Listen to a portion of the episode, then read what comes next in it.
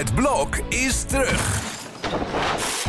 Vier koppels, vier bouwvallen, vier verbouwingen en dus een hele hoop stress. Het blok, iedere werkdag om half negen bij net vijf. Dit programma wordt mede mogelijk gemaakt door de Krasloten Decemberkalender. Goeie vrijdag, goeie vrijdag, goeie vrijdag allemaal. Kruip weer dichter bij je speaker voor deze week de laatste maal. Goeie vrijdag, goeie vrijdag, kom eens hier en luister nou. Heb jij ook een vraag voor Evert? Jordi stelt ze namens jou.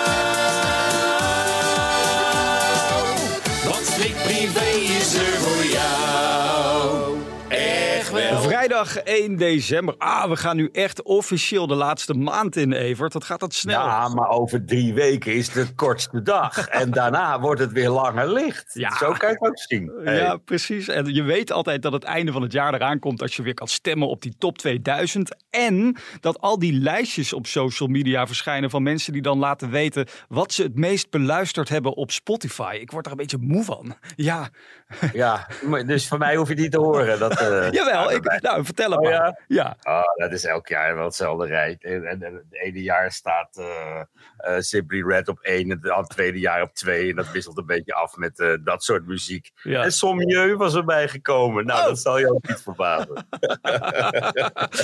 In de hoop dat ze ooit naar het Songfestival gaan en dat jij dan... De, ja, Ja, en dat jij, de- dat. en jij degene bent geweest die ze dan daar naartoe heeft gestuurd. Dat, dat, dat zou Nou, ja, fantastisch dat zijn. is, nou, ik, ik heb vrij vroeg alleen maar een tip gegeven waarom. Nou ja, we hebben het er vaak genoeg over gehad. Ja, zeker, zeker. Ehm, wie vanaf vandaag op Spotify staat, eindelijk weer voor de fans, is Simon Keizer. Hij maakt zijn Ja. comeback. Ja. Nou ja, Paul Simon in het Nederlands eigenlijk. Oh ja, is, eh, eh, ja, hebben we een stukje? ja zeker. Ik schrijf om de ellende, niet om de PVV. Dat is gewoon wat gebeurt, gebeurt, dat moet gebeuren. Maar het gaat me om de kinderen, vooral de Oekraïne, kinderen in de Gazastrook, Israël. eh, dat, dat verontrust mij. Maar ook Jemen en ook eh, al- al- overal waar die brandhaarden zijn. Luister even liefste in deze onzekere tijd.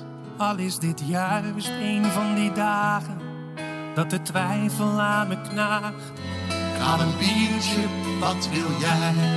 Het is echt een fantastisch eh, nummer, geschreven overigens door Paul de Leeuw. Hij eh, heeft een Duits liedje vertaald, wat hij al heel lang in zijn hoofd had, wat hij prachtig vond. En hij dacht, ja, dit is wel de tijd om een, een nummer te maken over dat ik me zorgen maak over kinderen op de wereld die het slecht hebben. Daar gaat het liedje En over. Paul de Leeuw en, en Simon Keizer samen. Ik vind het een mooie combi. En eh, ja, Paul is altijd van de duo's geweest natuurlijk. Eigenlijk zijn hele carrière al. En Ja. daar zitten hele mooie duetten bij. Ik kan me herinneren met Rutja Kot en legendarische muziek. En, Ja. ja, die stem van Paul blijft toch ook wel eh, heerlijk. Was laatst op een begrafenis, dat was een liedje. Oh. Dat had ik echt nog nooit gehoord. Afscheid, geloof ik. Hm. En ik denk, hé, wat mooi eigenlijk. Hmm, kijk, en nu zul je denken, ik vroeg gisteren aan Paul, ik had toevallig een interview met hem. Ik zei, joh, eh, vorm je dan vanaf nu een vast duo met eh, Simon? Maar hij verklapte mij dat hij volgende week ook op televisie verschijnt met Nick. Want daar heeft hij ook een duet mee gezongen in een programma over dementie. Dus wat dat betreft, Paul de Leeuw is de verbinder tussen die Ja. twee. Ja. Nou, kijk eens aan. Zwitserland. Ja, precies. Nou, ik heb net nog even in dat Spotify-lijstje gekeken van best beluisterde liedjes van dit jaar over heel de wereld. Maar daar staat Madonna dan weer niet tussen. Nou, dat is nou jammer. Maar wil je Madonna horen, dan, dan kun je vandaag je hart ophalen. Moet je wel geduld hebben. Alleen, ze staat natuurlijk in eh Dus ik Ziggo, hè? Ja, En eh, ik geloof dat er van tevoren al een waarschuwing uitging van eh, hou er rekening mee dat het concert niet op tijd is afgelopen. ja. Met andere woorden, hou er rekening mee dat het concert niet op tijd begint. ja, het is inmiddels opgelopen in sommige steden tot een uur en drie kwartier te laat. Zo. Ja, het is één grote dikke middelvinger naar je fans. Ik weet niet wat erachter zit bij haar. Het is echt een, een, zo'n rare keuze om gewoon elke dag te laten beginnen. Minstens een uur te laat. Ja. En ja, dat zet toch heel veel mensen voor problemen. Eh, nou is het vrijdag, maar ook door de weekse avonden. Er zijn mensen die de volgende ochtend moeten werken. En Mm. er zijn mensen die nog met de trein naar huis moeten. En er zijn mensen die eh, zich laten ophalen door, door mensen die daar maar in de buurt van die eh, arena nu staan te wachten tot ze ergens een, be- een bekende zien die eindelijk uit het concert komt. Ja. Ik vind het echt een, onbegrijpelijk. En ook niet dat daar enorme boetes op staan als, als een ster zich niet weet te gedragen. Als Madonna nou nog van plan was om voor vanavond iemand nog even een spuitje in de gezicht te laten zetten. Bij Roy Donders bijvoorbeeld, om er nog net even wat jonger uit te zien. Dan kan dat niet, Evert. Dan kan dat niet. Nou ja, hij is een beetje boos. Maar ja, hij, hij is natuurlijk zelf zo onbezonnen als hij maar zijn kan. Ja. Aan een avontuur begonnen na zijn worstenbroodjes en zijn huispakken. Hij wordt altijd boos als ik dat zeg. Maar ja, het is natuurlijk een, een leuk functie elders. Maar verdiep je dan in de regels en in de mogelijkheden en wat je mag en wat je niet mag. Hij heeft gisteren een soort. eh, en, en, en- ja, een soort Persconferentie. Ja. Ja, was het. Die Ja. was echt een, en, en dan geeft hij de media weer de schuld. En eindelijk kan hij met zijn eigen verhaal. Ja, dat is het punt. Ja. Al een week lang stellen we hem allerlei vragen waar geen antwoord op kwam. En nu zegt hij van ja, omdat die, die regels die zijn veranderd. Maar omdat ik daar niet bij aangesloten ben, hebben ze mij daar niet van op de hoogte gezet. Nou, Ja. Snap jij hem nog? Je moet maar durven om, om, om dat aan te voeren als een serieus argument. Maar eh, ja, ik denk dat je Roy Donders er gezellig bij kan hebben op een feestje. Maar dat je toch voor andere ingrepen ergens anders naartoe moet. Dus eigenlijk kun je het zo zien dat ik eh mesofillers heb gezet, eh, een jaar lang, zonder dat dit eigenlijk mocht. En dat is omdat er een regel is veranderd waarvan ik niet op de hoogte was. Omdat ik niet in een branche val, word ik daar ook niet van op de hoogte gehouden. Ehm, dat is eigenlijk een beetje het verhaal. Ik word nu weggezet als eh, illegaal, strafbaar, duistere praktijken. eh, eh, dat ik in een garage met een sticker op de deur aan het prikken ben. Het is echt de slachtofferrol. Ik had opgeschreven spuit 11 eh, is het. Eh, ja, wat dat betreft. Nou ja, eh, ik, ik heb het idee dat de BN'ers zich een beetje laten inspireren door deze podcast. Dat doen ze altijd al. Maar ze organiseren allemaal een persconferentie. Want we hadden gisteren ook Peter Gillis natuurlijk nog, die voor de camera verscheen van allerlei media. Ja, die was erg blij met het vonnis waaruit bleek dat hij het boek van Nicoleke niet van tevoren mag lezen. Nee. En aan de andere kant dat zij dus niks mag zeggen over de dingen waar ze aangifte van gedaan heeft. Dus het is een, een, een vrij wonderlijk vonnis, wat denk ik op universiteiten nog heel lang gebruikt gaat worden als studiemateriaal. Maar eh, alle, gedacht? partijen hebben, ja, alle partijen hebben een beetje gekregen Ja. van deze rechter. En die- verder zegt hij, zoek het maar lekker uit in een bodemprocedure. En die gaat er ook nog komen. Ja. Waarover ook nog een boek komt, dat waag, ik eigenlijk te betwijfelen. En eh, ja, een boek van die kolk, ik heb het al vaker gezegd. Ja. Wie wil dat in zijn kast, zeg.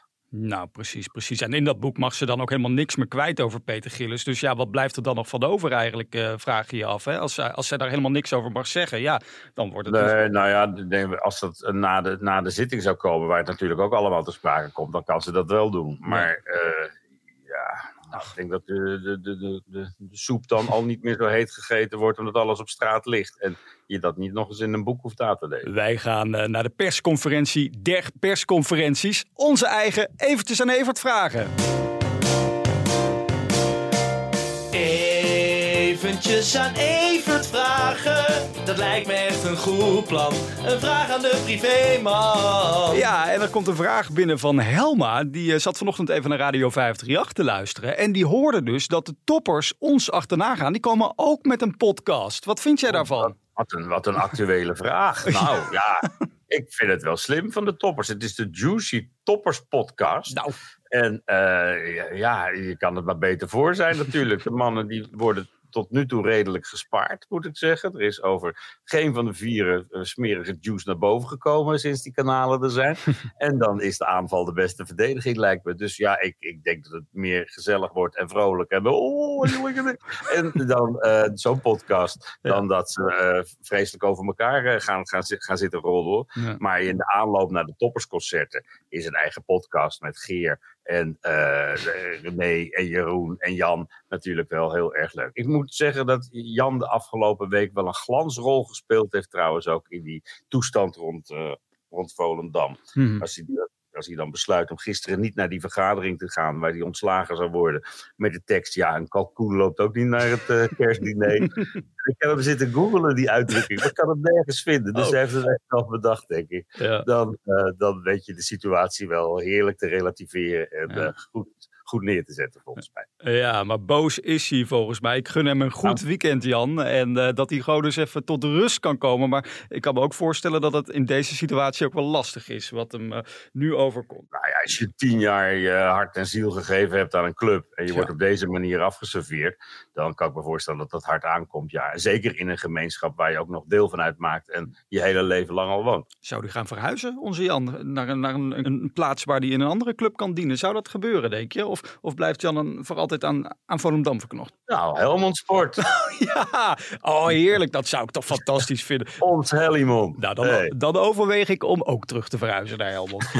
maar zover is het nog lang niet. Wij gaan het weekend in, Evert. En we zijn er maandag weer. Zo is dat. Mooi weekend allemaal. En eh, trek wat warms aan, want het is echt koud. En veel plezier bij Madonna trouwens, als je gaat. Dit programma werd mede mogelijk gemaakt door de Krasloten Decemberkalender.